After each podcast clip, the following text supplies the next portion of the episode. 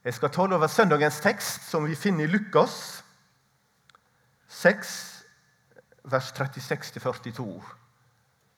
Og Som et tema som har jeg, har jeg satt 'Vær barmhjertig og gavmild'. Vær barmhjertige, liksom også deres far er barmhjertig. Døm ikke, så skal dere ikke bli dømt. Fordøm ikke, så skal dere ikke bli fordømt. Ettergi, så skal dere bli ettergitt. Gi, så skal det bli gitt dere.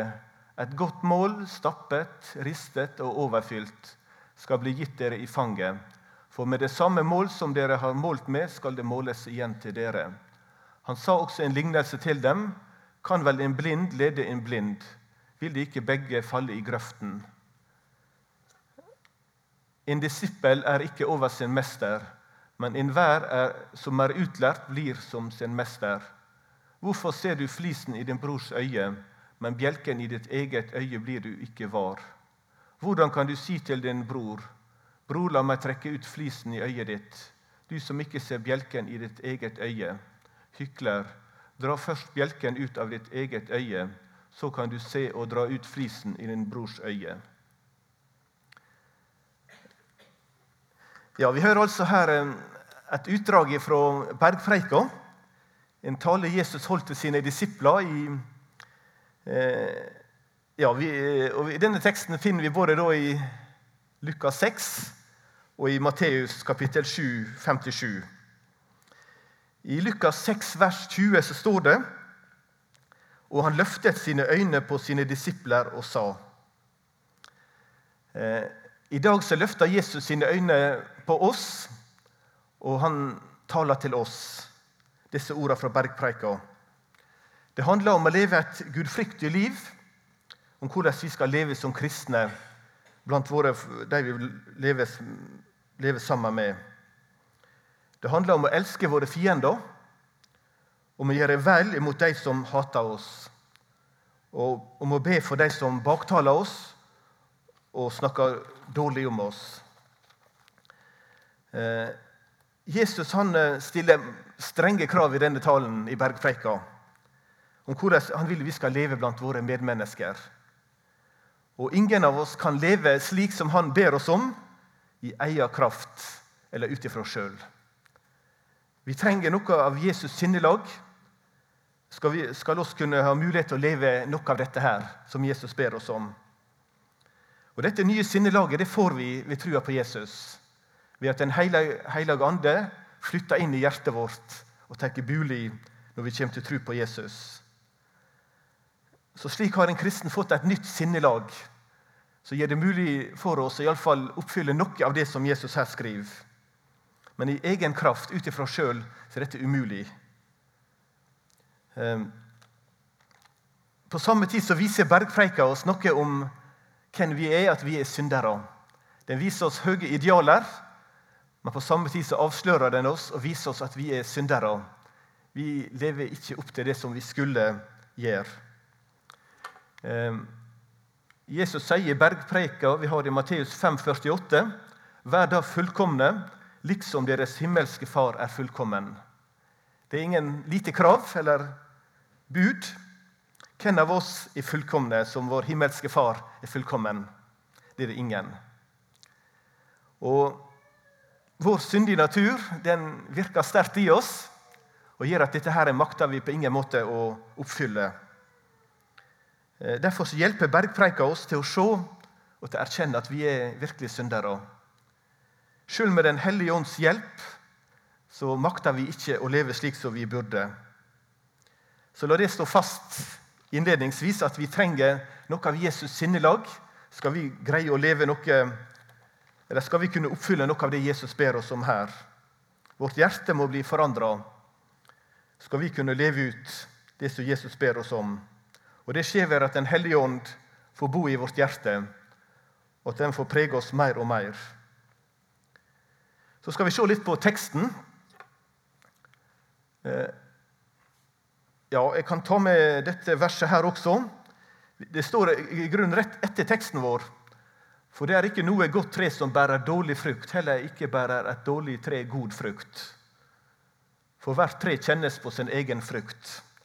Det er sant, det Sinnelaget vårt det avgjør hvordan vi vil leve. Vårt hjerte det vil vise seg i frukter, hvordan vi lever. Og det, Derfor så trenger Jesus å gjøre noe med hjertet vårt, skal vi kunne bære de fruktene som han ber oss om. Men så til teksten, litt mer i detalj. Det står i vers 36.: Vær barmhjertige, liksom også deres far er barmhjertig. Eh, Gud han er barmhjertig, og han er fullkomment kjærlig og god. Det ser vi gjennom hele Bibelen. og Vi kan ta med ett vers bare i Salme 111, 4. Herren er nådig og barmhjertig. Og Slik har vi lært Gud å kjenne. Til mer vi lærer Han å kjenne, så ser vi at Gud er virkelig god. Han er virkelig barmhjertig. Um, I vers 35 så står det:" Elsk deres fiender, gjør vel og lån bort uten å vente noe igjen. Da skal deres lønn bli stor, og dere skal være den høyestes barn. For han er god mot de utakknemlige. Og onde. Det sier oss et lite glimt om hvem Gud er. Han er god ikke bare mot de gode, men han er god mot de utakknemlige og vonde. Slik er Gud. Og Slik vil han at også vi skal være. Vi skal være gode mot, ikke bare mot de som er gode mot oss og elsker oss og viser helse på oss, men vi skal være gode mot også de som er vonde og utakknemlige, og kanskje som baktaler oss osv. Jesus vil at vi skal hjelpe den fattige og den som har det vanskelig, den som er i nød og som trenger hjelp. Han vil at vi skal helse på alle, også på de som ikke er gode mot oss. Ikke bare mot de som elsker oss, men mot alle. Ja, også, han vil vi skal være gode også mot våre fiender, mot de som hater oss og kanskje ellers er stygge mot oss. Vi kan tenke på fortellinga om den barmhjertige samaritanen. Der har Jesus gitt oss et eksempel på hvordan han vil vi skal være mot den forkomne. Og Det kan også være en framann, slik som samaritanen var for denne barmhjertige samaritanen. Den virkelige samaritanen, barmhjertige samaritanen, det er Jesus. Han eh, har vist med hele sitt liv at han er barmhjertig og god fullt ut. Han brydde seg om de som ingen andre brydde seg om. Han hjalp syke og besatte. Han vaska disiplene sine føtter.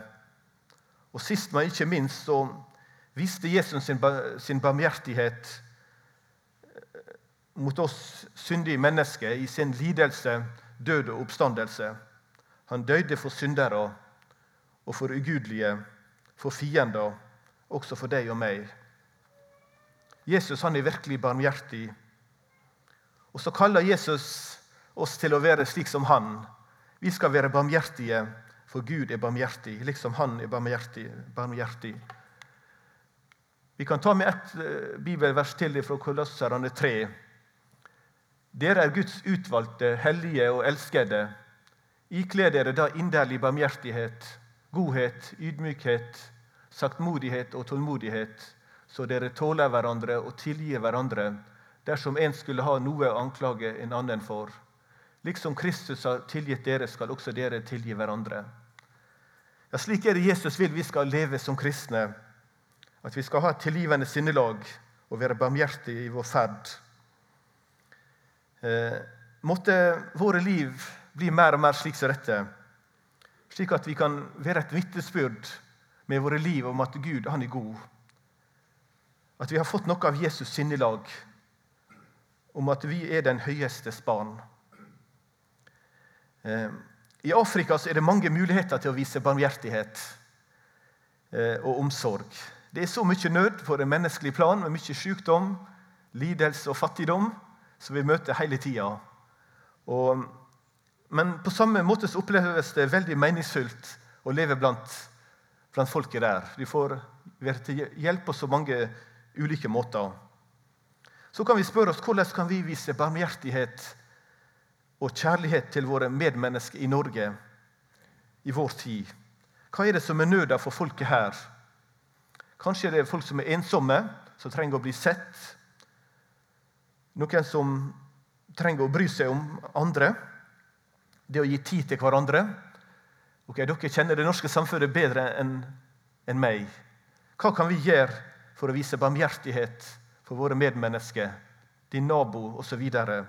Jesus ber oss om å være barmhjertige, liksom han er barmhjertig. Kjærlighet oppfinnsom gjør, heter det. Måtte Gud få lede oss i hverdagen til mennesker som har bruk for noe av Guds barmhjertighet. Det er vår utfordring. Vi kan si at misjon er barmhjertighet. Misjon er en frukt av Guds sinnelag. Vi ser litt av Guds barmhjertighet. Han har ofra sin sønn for å frelse oss mennesker i samsvar med sin store barmhjertighet. Og Misjon er også en frukt av det sinnelaget som vi har fått som kristne. Et barmhjertig sinnelag. Vi ser mennesker i nød, og vi ønsker å være med å hjelpe fordi Jesus ber oss om det. Han har gitt oss et sinnelag som gir omsorg for den som er i nød.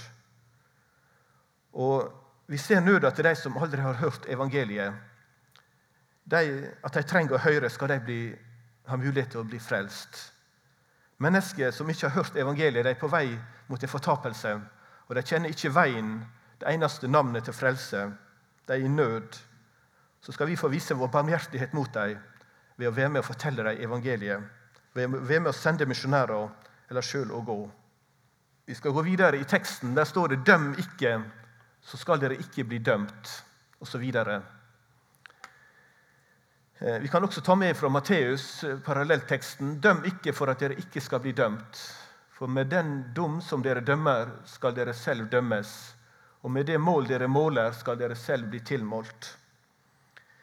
Jesus han advarer, advarer oss her mot, å, mot ei dømmende holdning, mot dømmesjuke. Vi skal huske på at vi skal alle fram for Guds domstol. At vi skal alle bli dømt av Gud en dag. Og På samme måte som vi dømmer våre medmennesker, så vil Gud bruke samme mål mot oss. Så om du dømmer din medvandrer, ditt medmenneske, strengt, så vil Gud også til gjengjeld dømme deg også på en streng måte. Er du derimot mild og raus mot din neste, så vil også Gud være mildere mot deg. Jeg tar med noen vers fra Romerne 2, Derfor er du uten unnskyldning, du menneske, hvem du så er som dømmer. For idet du dømmer en annen, fordømmer du deg selv. Du som dømmer, gjør jo selv det samme. Vi vet at Guds dom i samsvar med sannheten er over dem som gjør slikt. Men du menneske som dømmer, disse som gjør slikt, og selv gjør det samme, mener du at du skal unnfly Guds dom? Ja, det er slik med oss mennesker at vi lett kan kritisere og se feil hos vår neste. Og så glemmer vi at vi er ikke noe bedre sjøle. Når vi da dømmer i vårt hjerte kanskje vår neste, vårt medmenneske, så tar vi oss kanskje sjøl og gjør akkurat det samme litt etterpå. Så blir det på en måte en dobbel dom mot oss sjøl. Derfor skal vi være forsiktige med å dømme og kritisere andre. Jeg tar også med den ene leseteksten. Men du, hvorfor dømmer du din bror? Eller du, hvorfor forakter du din bror? Vi skal jo alle stilles fram for Guds domstol. For det står skrevet, så sant jeg lever, sier Herren, for meg skal hvert kne bøye, bøye seg, og hver tunge skal prise Gud. Så skal det hver og en av oss gjøre Gud regnskap for seg selv. Derfor bør vi ikke lenger dømme hverandre. Eh, vi kan også ta med slutten av vår tekst. Hvorfor ser du flisen i din brors øye, men bjelken i ditt eget øye blir du ikke var. Hvordan kan du si til din bror, bror, la meg trekke ut flisen i øyet ditt, du som ikke ser bjelken i ditt eget øye? Hykler, dra først bjelken ut av ditt eget øye, så kan du se og dra ut flisen i din brors øye. Disse ordene understreker for oss at eh, vi kan ha lett for å se feil og svakheter i vår neste, i vårt medmenneske så glemmer vi lett at vi har kanskje en bjelke i vårt eget øye. Noen mye større feil enn de andre. Derfor bør vi være veldig forsiktige med å dømme og kritisere og forakte andre mennesker. Det sier Jesus til oss i dag. Og Kanskje er det ting du vet om ditt medmenneske som eh, du ikke, eller Det er mange ting vi ikke vet. Vår kunnskap om vårt medmenneske er begrensa. Kanskje vi skal derfor være forsiktige med å dømme andre. Jeg har lyst til å sitere en kjent eh, pinsepredikant som nå er død, Emanuel Minus. Eh, han sa det slik en gang La oss legge vind på å være upletta av verden. Men når noen faller, la oss være forsiktige med å kaste den første steinen. Det er akkurat det jeg tror er den rette holdninga. Når noen faller, skal vi være forsiktige med å være den første som dømmer. Istedenfor et hardt dømmende sinn så vil Jesus at vi skal være varmhjerta og ha et tilgivende sinnelag. Og gi varme håndtrykk. Det betyr likevel ikke at eh, vi aldri skal eh, drive kirketukt og osv. Bibelen den inneholder klare ord til ledere i kirkelydene om å drive kirketukt og Det ser vi trengs også i Afrika. Eh, det gjelder å formane og gripe inn når livsførsel er i strid med Guds ord. For vi skal huske på at Ei lita surdeig den kan gjennomsyre hele deiga. Derfor må det utføres kirketukt når det er nødvendig. Men Jesus advarer her mot en dømmende holdning generelt. Vi skal si litt om det neste verset også. Gi, så skal det bli gitt dere. Eh, det her taler om givertjeneste. Og det understreker for oss at det følger velsignelse med å gi. Eh, jeg gikk på misjonsskole på Fjellhaug, og da sang vi i, misjonsskolekoret en sang som jeg husker litt av. og Den skal vi synge hele sangen etterpå. Men det står slik Å gi, det er å få. Det skal du på dagen den store få sjå. Så gi og vær glad, så gi og vær glad. Iallfall når vi gir til Guds rikes arbeid av, et, av hjertet og ikke av tvang, så vil det gi oss rik velsignelse. Vi kan gi penger til Guds rike, vi kan gi av vår, vår tid, vårt arbeid. Ja, Vi kan gi enda til livet vårt for Guds rike. Og Du skal være sikker på at det fører til velsignelse. I Bergpreika så ser vi at det, det taler om velsignelse eller om lønn. Jeg hopper litt framover til her er det snakk om forfølgelse og det å bli spotta for, Guds, for Jesu navns skyld. Salig er dere når menneskene hater dere, og når de støter dere ut, spotter dere og kaster deres navn fra seg som noe ondt for menneskesønnens skyld.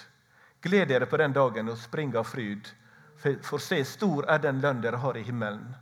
Det taler om lønn her, når du opplever vanskelige ting for Jesu navns skyld. Og Likeens i vers 35 Elsk deres fiender, gjør vel og lån bort uten å vente noe igjen. Da skal deres lønn bli stor, og dere skal være den høyestes barn, for han er god mot de utakknemlige og onde. Det er også her tale om lønn. og Om du gir til Guds rikes arbeid, så faktisk, ser vi også at du vil bli lønna tilbake. Du vil bli velsigna. Eh, ikke nødvendigvis med penger, men på en, annen, på en eller annen måte så vil Gud lønne deg riktig igjen. Det er flere vers som taler om det. Andre kor 9. Men dette sier jeg, den som sår sparsomt, skal også høste sparsomt. Og den som sår rikelig, skal høste med rik velsignelse. Enhver må gi slik som han setter seg fore i sitt hjerte, ikke med ulyst eller, eller av tvang, for Gud elsker en glad giver. Og Gud er mektig til å gi dere all nåde i rikelig mål, for at dere alltid og i alle ting kan ha alt det dere trenger til og ha overflod til all god gjerning. Ta med ett vers til fra ordspråka. Den som forbarmer seg over den fattige, låner til Herren, og Herren skal gjengjelde ham hans velgjerning. Vi har ingenting å kreve av Gud. Det er alltid snakk om, Når det er snakk om lønn i Guds rike, så er det nådelønn. Vi, eh, men likevel, er du gjerrig og lite villig til å gi til Guds rike, så vil også Gud behandle deg etter det. Er du derimot raus og gavmild mot den fattige med å være med å gi til misjonen, så vil også Gud være raus og gavmild mot deg. Det er noe å tenke på. Eh, Hoppa litt her nå.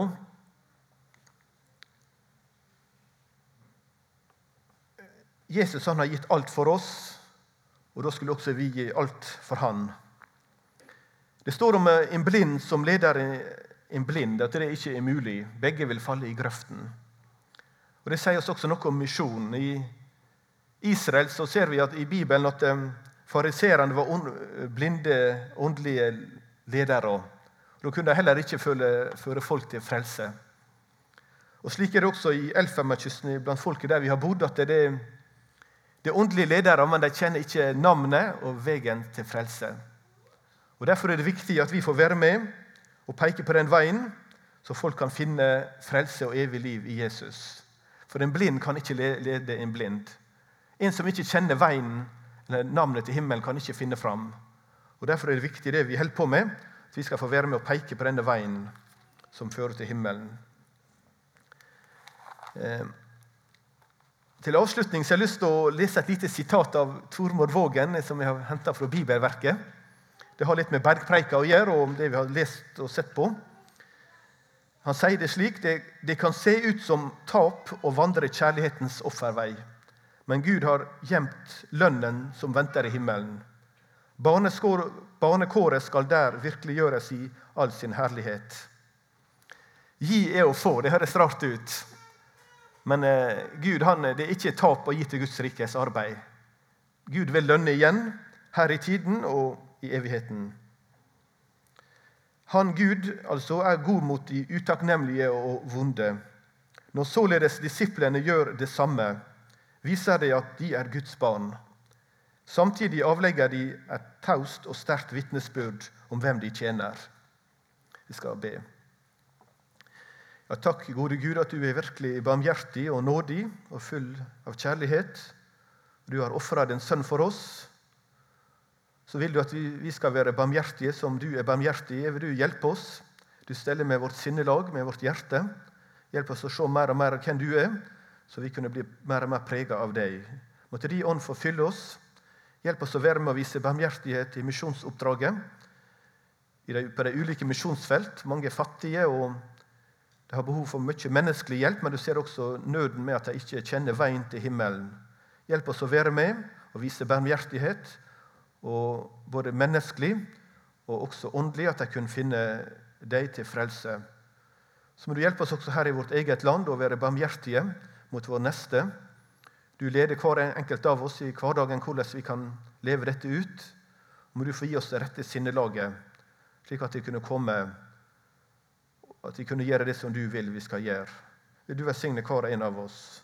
Og Takk at du lønner rikt igjen. Du er, det er ikke tap å tjene deg. Du velsigna rikt. Amen.